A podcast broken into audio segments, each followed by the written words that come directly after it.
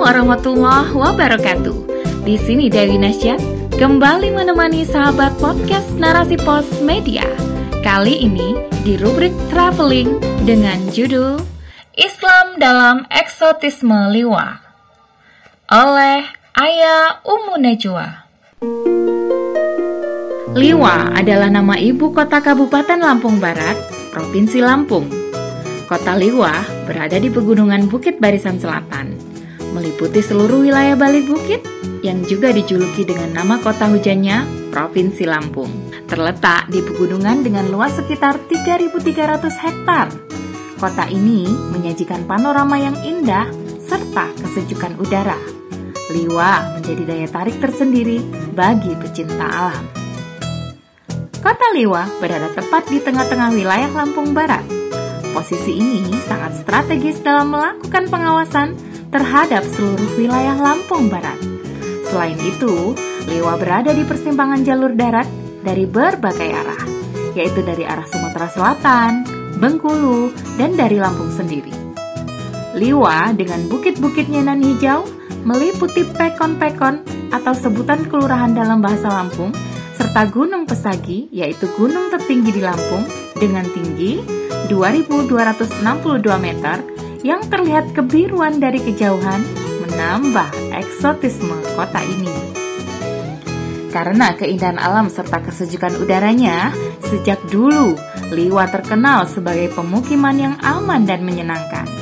Karena alasan inilah, pada masa kolonial Belanda dulu, Liwa dijadikan sebagai tempat beristirahat dan bersantai oleh para menir Belanda.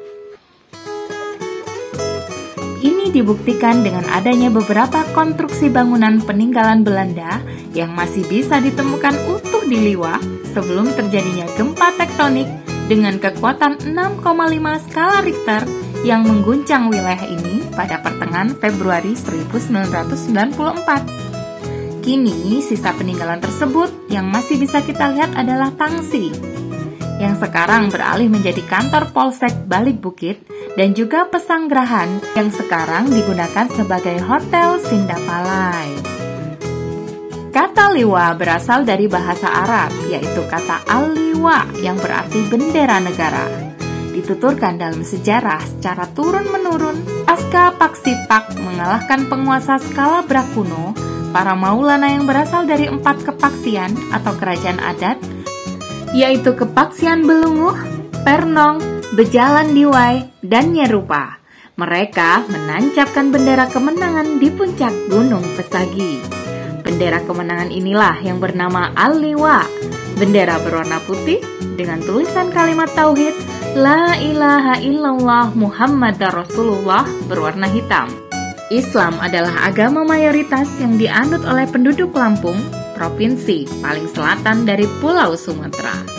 Sekitar 83,64% persen dari jumlah total penduduknya memeluk agama Islam. Bagi suku Lampung sendiri, Islam dan adat istiadat Lampung adalah sebuah kesatuan yang tak bisa dipisahkan. Islam masuk ke Lampung melalui tiga arah, yaitu dari Pagaruyung, Minangkabau, dan dari arah utara yaitu Palembang yang terjadi pada masa Adipati Arya Damar dari arah Komering, serta dari selatan yaitu Banten, oleh Fatahillah atau yang lebih masyhur dikenal sebagai Sunan Gunung Jati melalui Labuan Maringgai di Keratuan Pugu. Dari arah barat, Islam dibawa oleh empat putra Raja Pagaruyung, Maulana Umpu Ngegalang Paksi, yaitu Umpu Bejalan, Umpu Belunguh, Umpu Nyerupa, dan Umpu Pernong. Dengan kedatangan keempat umpu ini, berakhirlah eksistensi kerajaan skala Brakuno atau Buai Tumi sebagai kerajaan penganut Hindu. Fase ini merupakan fase terpenting bagi keberadaan suku Lampung, serta sebagai tonggak berdirinya kepaksian skala Brak atau Paksipak skala Brak yang bercorakkan Islam. Kemudian, keempat umpu ini mendirikan persekutuan yang disebut Paksipak, yang bermakna empat sepakat atau empat serangkai yang telah cukup kuat mampu mengalahkan bangsa Tumi di skala Brakuno dengan ratunya bernama Sekerumong. Ini menjadi titik awal berkembangnya Islam di skala berat. Pada momentum inilah terjadinya penancapan aliwa sebagai simbol era baru Islam di skala berat. Sedangkan sejarah masuknya Islam dari arah utara atau Palembang melalui Komering pada masa kepemimpinan oleh Adipati Arya Damar. Minak Kemala Bumi alias Minak Pati Prajurit adalah orang yang diperkirakan membawa Islam dari arah Palembang ini.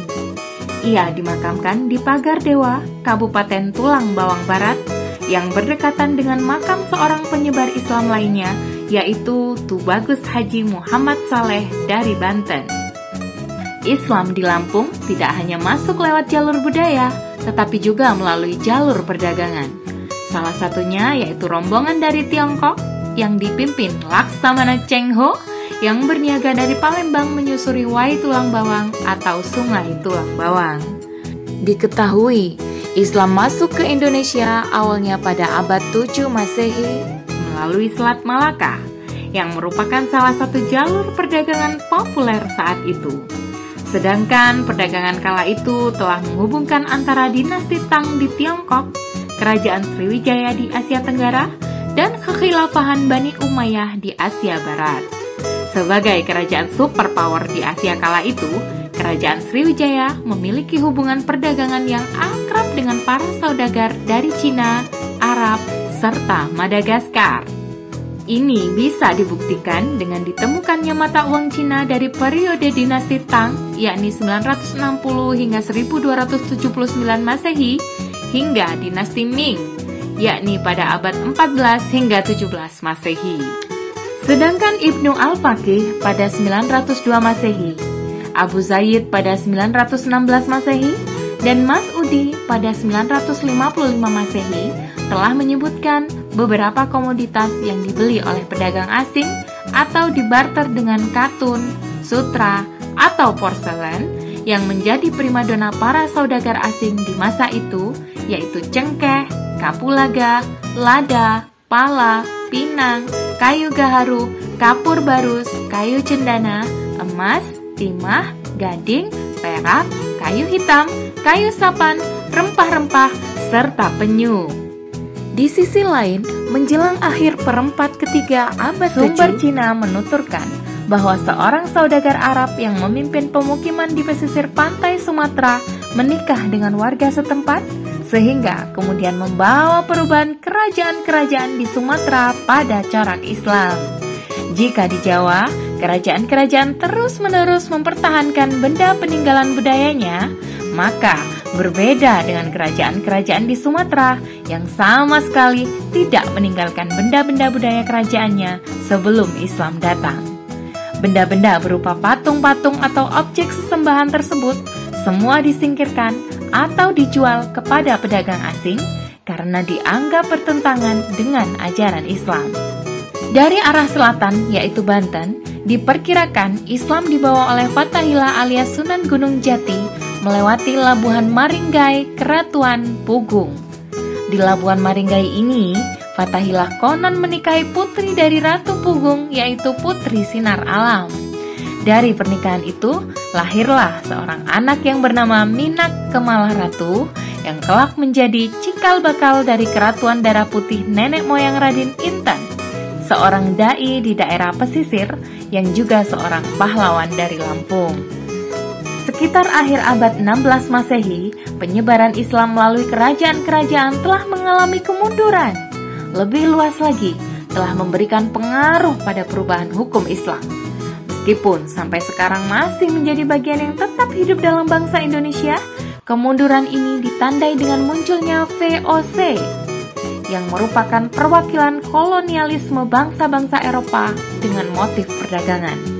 Kelak, VOC inilah yang menjadikan pengadilan agama walaupun masih dipertahankan tetapi berada di bawah pengadilan negeri. Islam dan adat Lampung merupakan satu kesatuan, laksana dua sisi mata uang, budaya masyarakat Lampung semakin beragam setelah masuknya Islam ke Lampung. Budaya Lampung juga memberikan pengaruh besar pada pengamalan ajaran Islam di dalam kehidupan sehari-hari oleh masyarakat. Dari sinilah kebudayaan dan kebiasaan masyarakat Lampung tidak bisa dipisahkan dari Islam. Salah satu bentuk keunikan kebudayaan Lampung yang terakulturasikan dengan Islam adalah upacara pernikahan. Dengan setiap tahapan prosesinya yang disesuaikan dengan nafas Islam. Destinasi alam ada Masjid Islamic Center Baitul Mukhlisin atau lebih sering disebut Masjid Bintang Emas. Masjid ini merupakan satu kawasan religi di Lampung Barat, tepatnya di pusat kota Liwa. Masjid ini berdiri megah dengan arsitektur Timur Tengah berpadu dengan budaya Lampung. Bentuk bintang di atas kubahnya terdapat lapisan emas. Itulah sebabnya masyarakat Lampung Barat lebih sering menyebutnya Masjid Bintang Emas. Masjid ini dibangun dengan material andesit dan marmer, menjadikan masjid nan indah ini terasa begitu nyaman dan sejuk. Masjid ini juga dibangun dengan konsep bangunan anti gempa. Budaya Lampung terlihat sangat lekat dalam ornamen masjid ini. Di antaranya adalah bentuk atapnya yang mengadopsi rumah adat Lampung yang diselaraskan dengan bentuk puncak Gunung Pesagi sebagai gunung tertinggi di Lampung yang terdapat di Lampung Barat. Begitupun dengan list plank atap serupa dengan ukuran rumah adat Lampung serta elemen-elemen lain yang mengadopsi ornamen kain tapis khas Lampung. Terlihat sembilan tugu yang merupakan simbol Wali Songo sebagai penyebar Islam di Indonesia tatkala pertama memasuki kawasan masjid. Sedangkan ruang dalam masjid berukuran 33 kali 33 meter adalah sebagai perlambang jumlah zikir.